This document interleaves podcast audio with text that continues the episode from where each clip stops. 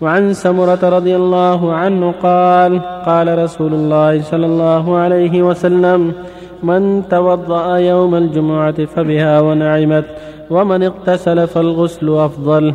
رواه أبو داود والترمذي وقال حديث حسن.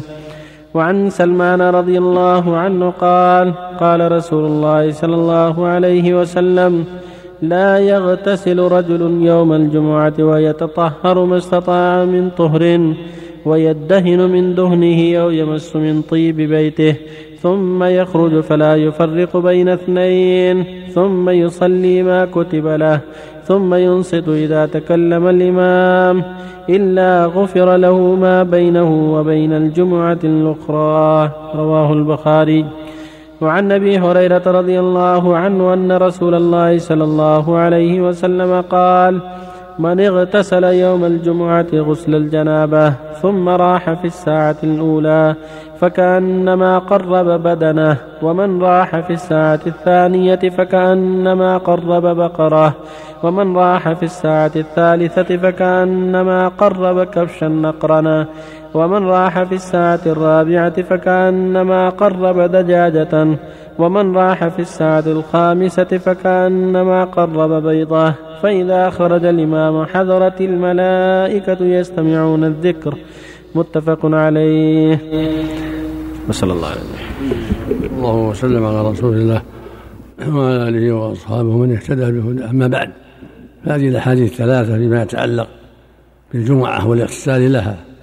أو التطهر وما في ذلك من الأجر العظيم مع العناية بالإنصات الخطيب أو عدم العبث. في حديث سمرة يقول النبي صلى الله عليه وسلم من توضأ يوم الجمعة فبها ونعمت. يعني فبالرخصة أو بالفريضة أخذ ونعمت الفريضة. ومن اغتسل فالغسل أفضل. هذا يدل على أن الوضوء هو الفريضة والغسل سنة مؤكدة. ولهذا تقدم قول صلى الله عليه وسلم من توضأ يوم الجمعة ثم أتى المسجد صلى ما قدر له ثم أنصت حين يتكلم إلى آخره فدل على أن الوضوء يكفي ولكن الغسل هو السنة والكمال ولهذا قال عليه الصلاة والسلام من راح إلى الجمعة فليغتسل. قال الغسل يوم الجمعة واجب على كل محتلم يعني متأكد. وفي حديث عمار أن تطهر في بيته والطيب ثم أتى الجمعة فلم يفرق بين الاثنين وصلى ما قدر له وانصت للخطيب إذا يتكلم فإنه يغفر له ما بينه وبين الجماعة الأخرى وفي لفظ آخر وثلاثة أيام.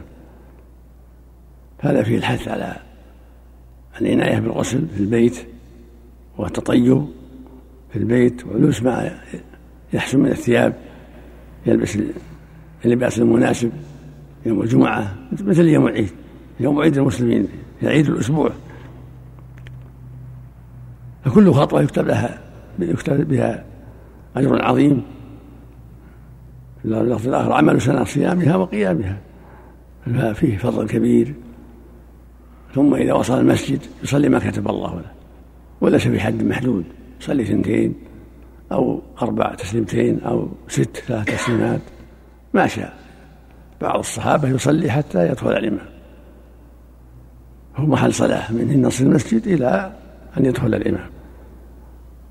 لكن أقل شيء ركعتان تحية المسجد.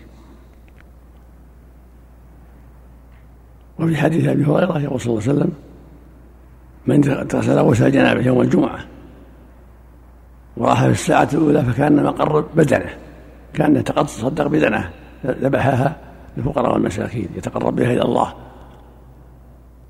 راح في الساعة الثانية فكأنما قرب بقرة. راح في الساعة الثالثة كأنما قرب كبشا أقرا راح في الساعة الرابعة كان قرب دجاجة. ومن راح في الساعة الخامسة كأنما قرب بيضة. فإذا خرج الإمام حضرت الملائكة يستمعون الذكر. في هذا الحث على التبكير. وأن التبكير منزلة تقريب قربات عظيمة. إبل وبقر وغنم. وأقرب الله أعلم أن هذا التبكير يبتدي من بعد طلوع الشمس من ارتفاع الشمس. لأن المؤمن مشروع له يبقى في مصلاه حتى تطلع الشمس كما كان النبي يجلس عليه الصلاة والسلام في مصلاه فيكون التوجه إلى الجمعة بعد ذلك بعد ارتفاع الشمس وبعد مجيئه من مسجده. هذا الساعة الأولى. فالنهار 12 ساعة والليل 12 ساعة عند العرب. الليل 12 من غروبها إلى طلوعها والنهار من طلوعها إلى غروبها 12 مجزأ. ففي هذا الحث والتحريض على التقدم والمسارعة والتبكير لهذا الفضل العظيم. ثم هو مع التبكير يقرأ يصلي يحصل له خير عظيم. وفق الله الجميع. شيخ. بالنسبة مثلا تخطيط الرقاب هو التفريق بين الاثنين؟ يعني مثلا قبل ما يبدأ الخطيب الخطبة لو هذا وهذا لا يفرق بين اثنين يجلس يجلس بينهم. يفرقهم ويجلس بينهم يصف بينهم. يصف حيث ينتهي الصف لا يفرق بين الناس. وأمر آخر وهو لا يتخطى رقاب الناس في الصفوف. يذهب إلى أطراف الصف ولا يتخطى رقاب الناس. إلا إذا وجد فرجة خلوها هم اللي أساءوا يتخطاها لسد الفرجة. وأما إذا كانت الصفوف مستقيمة هو لا يتخطى شيء لا يدور. يروح لمنتهى الصف يصف ولا يدور يتخطى رقاب الناس.